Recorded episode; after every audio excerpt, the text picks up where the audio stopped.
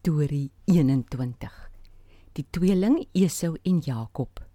Genesis 25 en 26.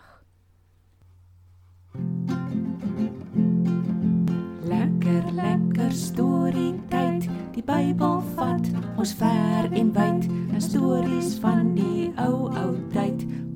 se liefde vanaf daardie tyd. Sy liefde loop deur ons eie tyd tot Jesus kom vir die ewigheid.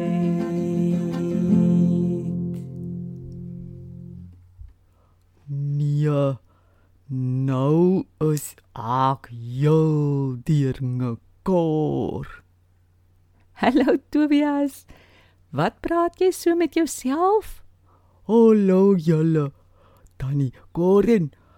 O dat hierheen sien ek toe deur daai die mens. Hoe sê mens? Die ding. Mm, meen jy tweeling? O ja, die ling. Daai toeties dat so eners lyk. Ek weet nooit die is die nie. Ek raak elke keer deur mekaar. ja, mens kry nogal tweelinge wat regtig baie na mekaar lyk. Maar weet jy, ek het juis vandag vir ons 'n storie van 'n tweeling. Regtig? Hoe gaan ons weet wie is wie? Nee, hierdie tweeling het glad nie na mekaar gelyk nie. Nie eers amper nie. Maar kom ek begin voor. Julle onthou vir Isak en Rebekka wat getrou het. Nou ja, hulle twee was baie lief vir mekaar en die Here was goed vir Isak. Maar daar was 'n dingetjie wat gepla het. Dat was dit, Tannie. Isak en Rebekka was al amper 20 jaar getroud. Toe het hulle nog niks kinders nie. Isak het toe na die Here gegaan en vir Rebekka gebid. En raai net wat? Die Here het Isak se gebed verhoor. Nie lank nie of Rebekka besef sy gaan 'n baba kry. Sy besef ook iets is snaaks. Dit voel al vir haar asof sy twee babas verwag en die twee babas stamp aan mekaar hier binne in haar. Wat? Ja, Rebekka verstaan dit toe glad nie en gaan vra vir die Here, "Wat gaan met die twee babas aan?" Die Here sê toe vir haar: "Daar is twee nasies in jou. Die twee broers sal nie by mekaar bly nie. Die een gaan sterker wees as die ander een. Die oudste seun gaan die jongste een dien." Ek dink Rebekka het nie lekker geweet wat om hiervan te dink nie. En toe die dadas gedore word, lyk hulle toe nie na mekaar nie. Nee, glad nie. Die baba wat eerste gebore is, se vel was baie rooi. Hy was ook vol hare. Die Bybel vertel dit het omtrent gelyk asof hy 'n veljas aan het. Sy ouers noem hom toe Esau. En die tweede dada, Die tweede baba was nie so harig soos sy boetie nie. Maar wat snaaks was, was dat die klein babatjie met geboorte aan sy boetie Esau se hakskeen vasgehou het. Toe noem sy ouers hom Jakob. Esau en Jakob. Hmm. Tannie, daarson het die tweeetjies gehou. Julle Esau was baie lief vir die veld en vir jag. Hy het geoefen en geoefen en het later 'n baie goeie jagter geword. Jakob is maar 'n rustige ou en was meer by die huis. Ons lees ook iets interessant oor hulle ouers. Isak was baie lief vir wildsvleis. En omdat Esau so lekker kon jag en seker gereeld wildsvleis huis toe gebring het, het Isak vir Esau voorgetrek. Hy was vir hom die liefste. Rebekka weer het vir Jakob voorgetrek. Seker maar oor hy feitelik heeldag daar by die huis was. Hoi.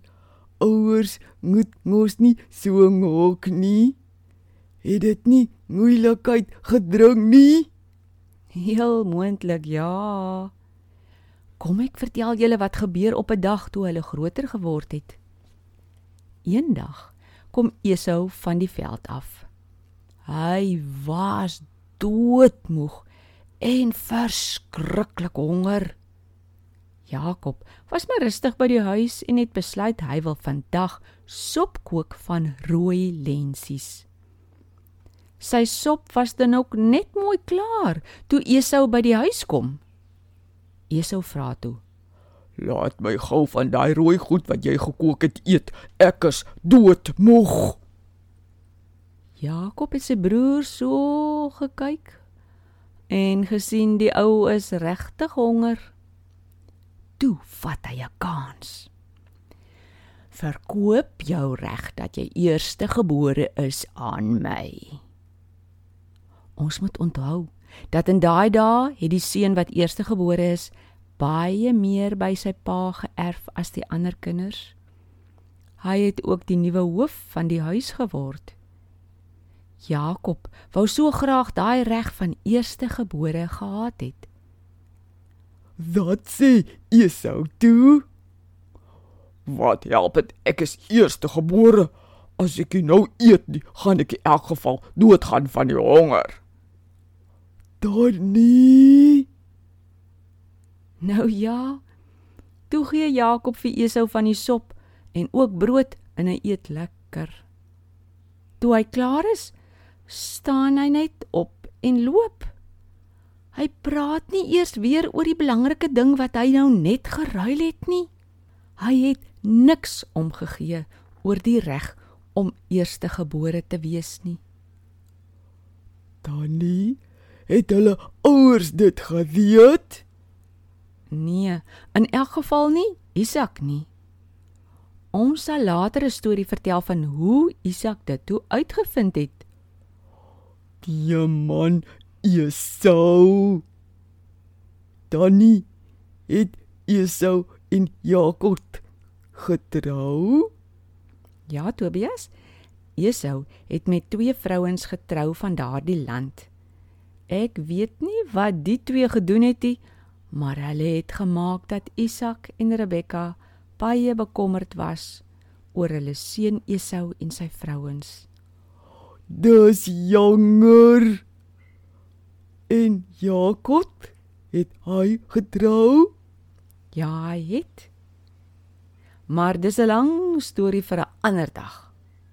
Ai, tog net as ons lekker luister, dan is die storie tyd verby.